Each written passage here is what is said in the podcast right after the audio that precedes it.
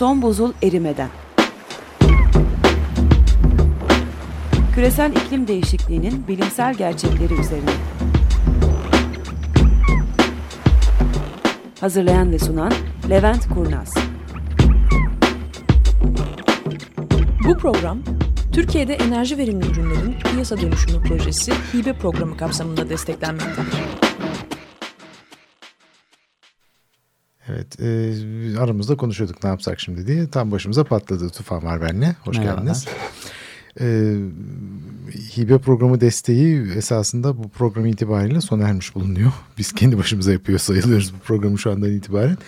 Onu da söylemeyi unuttuğumuz için hala jingle'da devam etti bu ama önemli değil. Yani biz nasıl olsa devam edeceğiz benzer şeyleri konuşmaya. E, bugün e, biliyorsunuz geçen hafta, geçen 10 gün mü oldu yaklaşık? Valla bendeki raporda 1 Kasım tarihli. Evet 1 Kasım tarihli IPCC'nin sentez raporu açıklandı. Bu iklim bilimi, iklim çalışanlar açısından çok önemli bir rapor. Çünkü yaklaşık olarak her 6-7 senede bir bu rapor yayınlanıyor. Ve dünyada iklim değişikliğinin nerede olduğu, nereye gittiği bu konudaki ana eser olarak kabul ediliyor. Şimdi bunu birazcık açıklamak gerekiyor. Tufan'ın elinde sanıyorum hepsini basmış önünde Ya var. ön arkalı bastım. O- şeyler de var, grafikler falan var. Tamam şimdi bir görecek olsanız yani benim ekranımdaki çok çok daha komik bir şey sen bak. Bu kadar.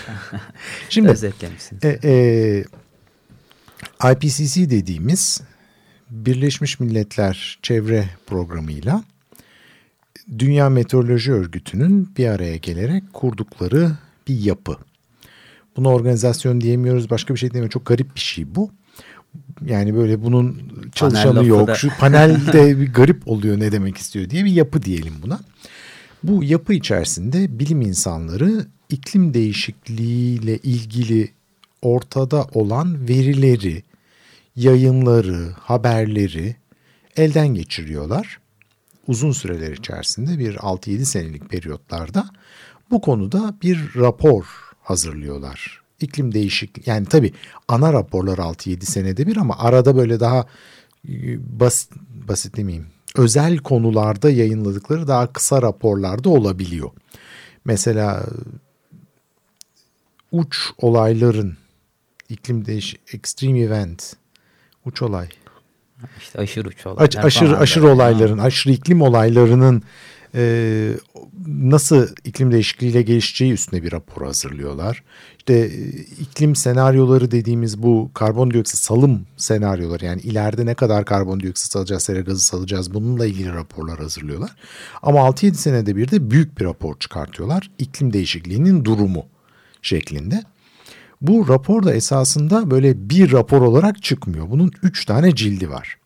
Bu üç ciltten bir tanesi geçtiğimiz sene Eylül ayında çıktı. Bu iklim değişikliğinin fiziksel temelleri yani fiziki bilimsel temelleri. Ondan sonra çıkan iki tanesi de kabaca Mart sonu ve Nisan başında çıktı 2014'te.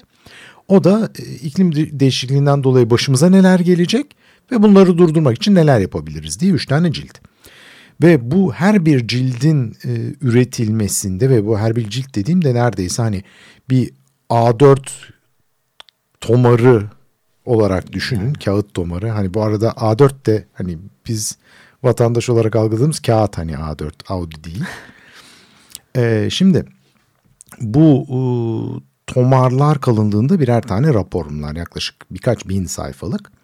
Ondan sonra bu raporların bir özeti oluyor. Politikacılar için özet diye bir özeti oluyor. Ondan sonra bun başlıkları yazan yazarlar bir araya geliyorlar. Birkaç ay daha çalışıyorlar. Bu üç raporun bir sentezini oluşturuyorlar. Bu iki hafta önce açıklanan yani bizim son programımızdan sonra açıklanan da bu sentez raporu.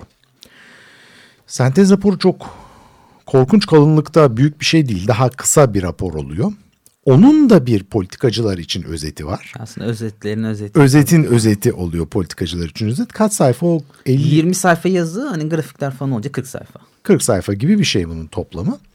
Şimdi ben bugün girdim IPCC'nin web sitesine. Bir de onun özetini yapmışlar. Headline Statements from the Summary for Policymakers. Yani politikacılar için özetin başlıkları diye bir şey. Dolayısıyla biz en kısa vadede size hap gibi bu başlıkları anlatalım istedim bugün. Ondan sonra başka konular vakit olursa gireriz ama bu başlıklarda şöyle diyor. Şimdi bir, e, birinci başlık görülen değişiklikler ve bunların sebepleri. Şimdi burada söylenen laflar artık hem bilim insanları hem dünyadaki bütün ülke temsilcileri tarafından kabul edilen laflar. Yani bunun arkasında artık bir soru işareti ama öyle mi buna şöyle diyen de var falan gibi bir şey yok. Böyle bir şey diyen sadece işkembeden atıyordur. Yani bu ister bilim insanı olsun, ister gazeteci olsun, ister her kim olursa olsun bu söyleyeceğimiz şeylere aa olur mu öyle şey diyen yanlıştır. Kusura bakmayın. Yani daha hani bu benim şahsi ukalalığım falan filan değil. İşte bilimin geldiği son yani noktadan bahsediyoruz. Gözlemlerle elde evet. edilmiş sonuçta. Ve politikacılar da buna onay veriyorlar bu sözlerin söylenmesinde. Şimdi bir, görülen değişiklikler ve bunların sebepleri. Diyor ki iklim sistemi üzerindeki insan etkisi açıktır ve son senelerdeki insan kaynaklı sera gazı salımları insanlık tarihinin en yüksek değerine ulaşmıştır. Son zamanda görmekte olduğumuz iklim değişikliklerinin insani ve doğal sistemler üzerinde yaygın etkileri vardır. Şimdi bu, esasında o kadar hani bariz bir laf ki buna kim ne diyebilir? Şimdi diyor ki bir, iklim sistemi üzerinde insan etkisi açıktır. Dolayısıyla insanlar iklim sistemini değiştiriyor demek bu. Yani bizim e, Haliç'te gördüğümüz hortum hep olan bir şeydi. 1940'ta da görülmüştü. Tamam iyi güzel ama bu kadar sık bir Pendik'te, bir Bandırma'da, bir Haliç'te, bir yaz içerisinde görülüyor olması doğal değildir ve bu insan etkisidir. Bir. İki, son senelerdeki insan kaynaklı sera gazı salımları insanlık tarihinin en yüksek değerine ulaşmıştır. Bu da demektir ki biz korkunç miktarda karbondioksit salıyoruz havaya. Bu arada da hani bir kelimeyi biz dikkatli kullanmaya çalışıyoruz. Salım. Salım eşittir emisyon. Şimdi emisyon tam Türkçe olmadığı için hani salımı da anla, salmaktan geliyor ya salım. Atmosferik konsantrasyon ya da işte miktar falan da. Ha, şimdi belki. dolayısıyla salım dediğimiz şey biz ne kadar karbondioksit gazı salıyoruz atmosfere oradan gelen bir laf. Salınım değil. Dikkat çekiyoruz ona da salınım başka bir şey. Dolayısıyla bizim atmosfere saldığımız karbondioksit ve diğer sera gazı miktarı bütün insanlık tarihindeki en yüksek Orada değerine ulaştı. İnsanlık tarihinde altını çizelim. Hani bazen çünkü başka şekilde Şimdi de yorumluyorlar ya olmuştur şey, doğaldır laflar ha, ediliyor. 18 bin senedir görülenden daha yüksek. Hatta daha da kötüsünü söyleyeyim size. Son 800 bin senede görülenden kesinlikle daha yüksek. Bilimsel olarak kanıtlanıyor bu. 800 bin senede görülenin yani en yüksek olanın bu son 800 bin senede bu rakam yaklaşık olarak milyonda 300 parçacık karbondioksitken bugün 400'ün üstündeyiz. Yani yüzde 33 daha yüksek hani azıcık daha yüksek değil. Son 800 bin senede görülen en yüksek değerden bile yüzde 33 daha yükseğiz biz şu anda. Ve her senede yükselmeye devam ediyor. Yani her sene yüzde bir, yüzde iki daha koyuyoruz biz bunun üstüne. Son zamanda görmekte olduğunuz iklim değişikliklerinin insani ve doğal sistemler üzerine yaygın etkileri vardır. Yani bizim içinde yaşadığımız bu seneki kuraklık, dünyada pek çok yerde görünen fırtınalar, işte hortumlar bunlar insani sistemlerinde, doğal sistemleri de çok kötü bir şekilde etkiliyor diyor. Tamam bu bir. Bu ne görüyoruz? İkinci başlık diyor ki gelecekte beklenen iklim değişikliği, riskler ve etkiler. Burada da diyor ki devam eden sera gazı salımları iklim değişikliğinin tüm bileşenlerinde daha fazla ısınmaya ve uzun süreli değişikliklere neden olacaktır. Bunda da bir sorun yok. Çünkü biz karbondioksit salmaya devam ettiğimiz zaman bu saldığımız karbondioksitin atmosfer üzerindeki etkisi daha fazla ısınmaya neden olacak. Atmosferin daha fazla ısınmasına ve atmosferin daha fazla ısınması da uzun süreli değişikliklere neden olacak. Bunun da demek istediği şey şu. Biz eğer bugün bile kesiyor olsak karbondioksit salımlarını, şimdiye kadar saldığımız karbondioksit ileride bile ısınmaya yol açacaktır. Yani bizim şu, çünkü karbondioksit saldığınız zaman atmosfere o iki dakikada aşağı inmiyor. Onun aşağı inmesi yani yer sistemine karışması tekrar yüzlerce sene yani Doğal döngüler, şey. doğal süreçler çok. Yani işte suyun içerisinde çözülüyor. Oradan e, şeylerin kabuklu deniz canlıların kabuğunda toplanıyor. Okyanusun dibine Emin çöküyor falan. Bunların hepsine baktığımız zaman yüzlerce sene sürüyor bu karbondioksiti atmosferden çekmemiz. Dolayısıyla şimdiye kadar saldıklarımız bile uzun süreli etkilere neden olacaktır. Bu insanlar ve ekosistemler için ciddi, yaygın ve geri dönülemez etkilerin oluşma olasılığını arttırır. Ciddi, yaygın ve geri dönülemez. Şimdi burada tabii bizim açımızdan kritik olan laf geri dönülemez. Evet. Yani bazı değişikliklere sebep olduğunuz an iklim sisteminde artık bundan geri dönüş yok. Yani siz Konya Ovası'nda tarımdan vazgeçtiğiniz an ve Konya Ovası çöle döndüğü an bir daha artık insanlık Konya Ovası'nda tarım yapıldığını göremeyecek. Bundan geri dönmek yok. Bunun için dikkatli olmamız gerekiyor. Yani biz fikir değiştirdik, vallahi pişman olduk, biz yapmayacağız deseniz de artık bazı şeyleri kaybetmiş oluyorsunuz. İşte Amazon ormanlarının kaybı bu. Amazon ormanlarının kaybı dediğimiz şey yani gitmiş orman ama Amazon ormanları dünyanın oksijenini sağlıyor. Artı çok ciddi miktarda karbondioksit emiyor. Bunların hepsine baktığımız zaman ciddi bir zarar demektir o tür bir ormanın gidiyor olması. İklim değişikliğinin sınırlandırılması sera gazı salımlarında önemli ve sürekli indirimler gerektirecektir. Yani bu etkilerden korunmak istiyorsak sera gazı salımlarını yani karbondioksit salımını bu da kömür, petrol ve doğalgaz yakmayacağız demek. Bunda sürekli indirim gerekiyor ve önemli. Yani iki ya bu, bu inanılmaz güzel yazılmış bir şey bu. Şimdi burada söylediği şey şu. Öyle hani yüzde beş azalttık, yüzde on azalttıkla olmuyor. Biz bunu yüzde seksen azaltmalıyız. Ve bu yüzde sekseni ha ben detayına girmedim onun. Yüzde sekseni şu anda azaltacağız ve bir daha daha üstüne çıkmayacağız onun. Yani buna demek. rağmen bir de ne kadar sıcaklık artışını engel evet, olamıyoruz. Evet. Hani iki derece gibi. Yani. Ee, uyumla birlikte bu azaltım iklim değişikliği risklerini sınırlayabilir diyor. Yani sadece bu karbondioksit salımlarımızı azaltmamız yetmiyor. Uyum içinde çaba göstermemiz gerekiyor. Uyum dediğimiz şey de tarımımızı ona göre uyduracağız. Hayat yaşama tarzımızı ona göre uyduracağız. Bunların hepsini uydurmayla birlikte azaltacak olursak anca riskleri sınırlayabiliriz demek. Ondan sonraki başlık uyum, azaltım ve sürdürülebilirlik için gelecek yollar. Pathways, future pathways. Bilemiyorum nasıl tercüme edilir. Bir araya gidelim mi kısa? Gidelim.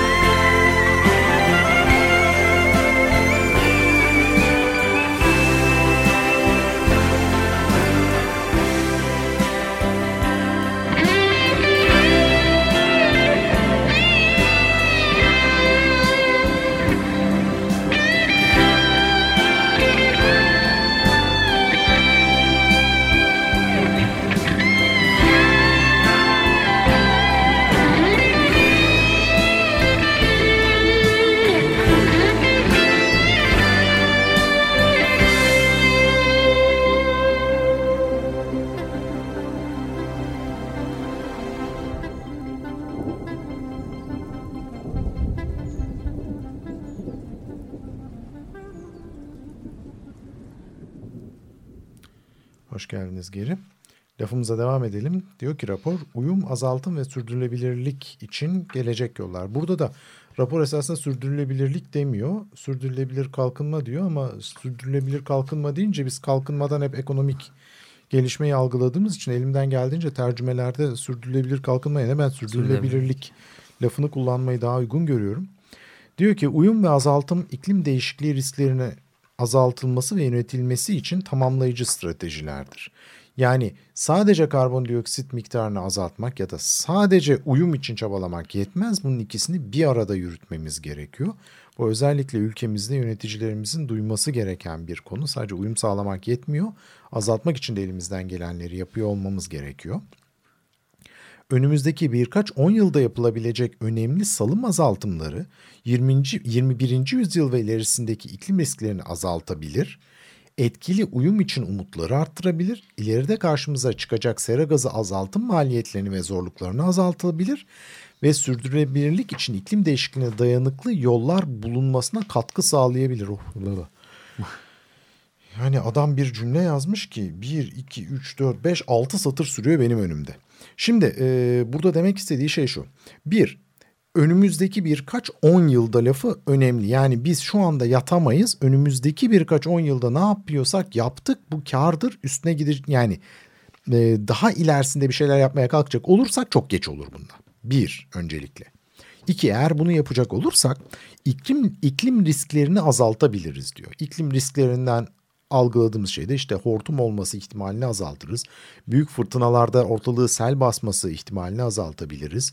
Ee, Orta Anadolu'nun kurak olup Türkiye'nin açlığa gömülmesi riskini azaltabiliriz. Bunları yapabilmek için önümüzdeki birkaç on yılda, önümüzdeki birkaç on yılda dediğinde tercüme edelim 2040'a kadar. Tamam 2040'a kadar ne yaptıysak yaptık. 2040'tan sonra ne yaparsanız yapın boş artık. Tercümesi bu. Ve onu da hemen yapmaya başlamamız gerekiyor. Yani 2039'a kadar bekleyip hadi bu sene değil şimdiden başlanması gerekiyor. Ee, eğer bunları yapacak olursak uyum için umutları arttırabiliriz. Bu da şu demek. Ne kadar geç kalacak olursa karşılaşacağımız riskler ve olaylar o derece büyük olacağı için onlara uyum sağlayabilmek için o kadar fazla çaba göstermemiz Hem de maliyet gerekiyor. açısından ve maliyeti artıyor bunların. Şimdi o da bir sonrakine gidiyor. Şimdi diyor ki ileride karşımıza çıkacak sera gazı azaltım maliyetlerini ve zorluklarını azaltabilir. Şimdi bu da şu. E, bu adamların kafasında bir iki derece var. Yani ısınmanın ortalama iki derecenin altında tutulması gerekiyor diye düşünüyor bütün bilim ve politika dünyası. Onun da bir derecesini zaten harcadık elimizde kaldı bir derece.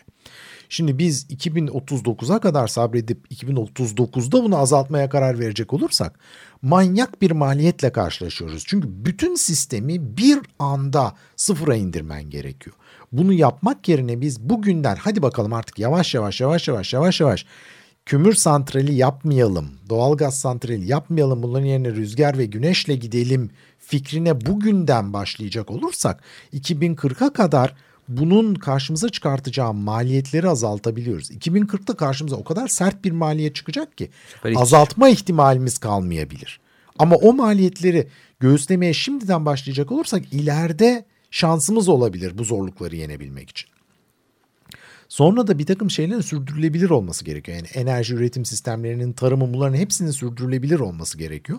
Ama sürdürülebilir olabilmek için de iklim değişikliğine dayanıklı olmanız gerekiyor. Yani Orta Anadolu'da tarım yapıyorsanız artık sürdürülebilir tarım yapmanız gerekiyor. Bu da yeraltı suyuna dayanmadan yani gökten ne düşüyorsa yağmur olarak onunla yaptığınız tarım demek. Ona göre gübre kullanmanız ya da kullan suni gübre kullanmamanız demek. Bütün bunların iklim değişikliğine dayanıklı olması gerekiyor. Onun için de şimdiden azaltıma başlamamız gerekiyor. Tabii bu kadar uyum ve azaltım, uyum ve azaltım sürdürülebilirlik dedikten sonra bir ayrı başlık daha atmışlar. Uyum ve azaltım diye. Uyum ve azaltım başlığında da diyor ki birçok uyum ve azaltım seçenekleri iklim değişikliği problemini çözme konusunda yardımcı olabilir. Ancak hiçbir seçenek kendi başına yeterli değildir. Yani biz bugün için sıfıra indirsek bile bütün karbondioksit salımımızı bu iklim değişikliği risklerine karşı koymamız da yeterli değildir uyum içinde önlem almak zorundayız. Yani bu şu hep şeyden gidiyorum Konya Ovası'ndan Yani Türkiye'nin orta bölgeleri özellikle çok ciddi zarar gördü iklim değişikliğinden dolayı. Ve bu zarar da gittikçe devam ediyor. Yani sadece karbondioksiti azaltmak, atmosferdeki ya da salımını azaltmak yetmez. Biz uyum çabalarına da devam etme gerek. Bizim uyum çabalarına da devam etmemiz gerekiyor. Etkili bir uygulama tüm ölçeklerde politika üretilmesine ve işbirliğine bağlıdır. Yani bu sadece bizim ülkemiz değil, bütün dünya ülkelerinin işbirliğine bağlıdır ve tüm ölçeklerde yani bireysel ölçekten devlet politikalarına kadar arada geçen bütün ölçeklerde politika üretmemiz gerekiyor. Ve diyor uyum ve azaltım etkileri diğer toplumsal hedefler ile bağlantılı olduğu bu nasıl etkileri olmaz ya uyum ve azaltım hedefleri diğer toplumsal hedefler ile bağlantılı olduğu müddetçe etkisini arttırabilir. Yani bizim toplumsal hedeflerimiz neyse uyum için ortaya koyacağımız ya da azaltım için ortaya koyacağımız hedefler de onlarla uyumlu olduğu müddetçe artabilir. Yani mesela enerji için şu kadar enerji üretmemiz gerekir diyoruz. Tamam güzel enerji üretiminde bir azaltmaya gitmeyelim hedef olarak ama enerjiyi yenilenebilir enerji kaynaklarından üretelim. Burada söylenen ana laf bu. Of yani işte bu esasında yarım sayfalık bütün size. politikacılar sizi dinlese tamam. Evet yani bütün insanlar ve politikacılar şu raporun söylediklerini dinliyorsa iklim değişikliği problemimiz kalmazdı diye düşünerek sözümüze son vererek sizlere iyi haftalar diliyoruz. Hoşçakalın.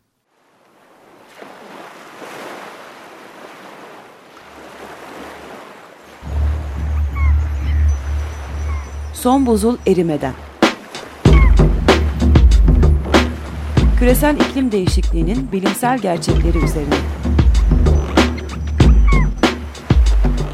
Hazırlayan ve sunan Levent Kurnaz.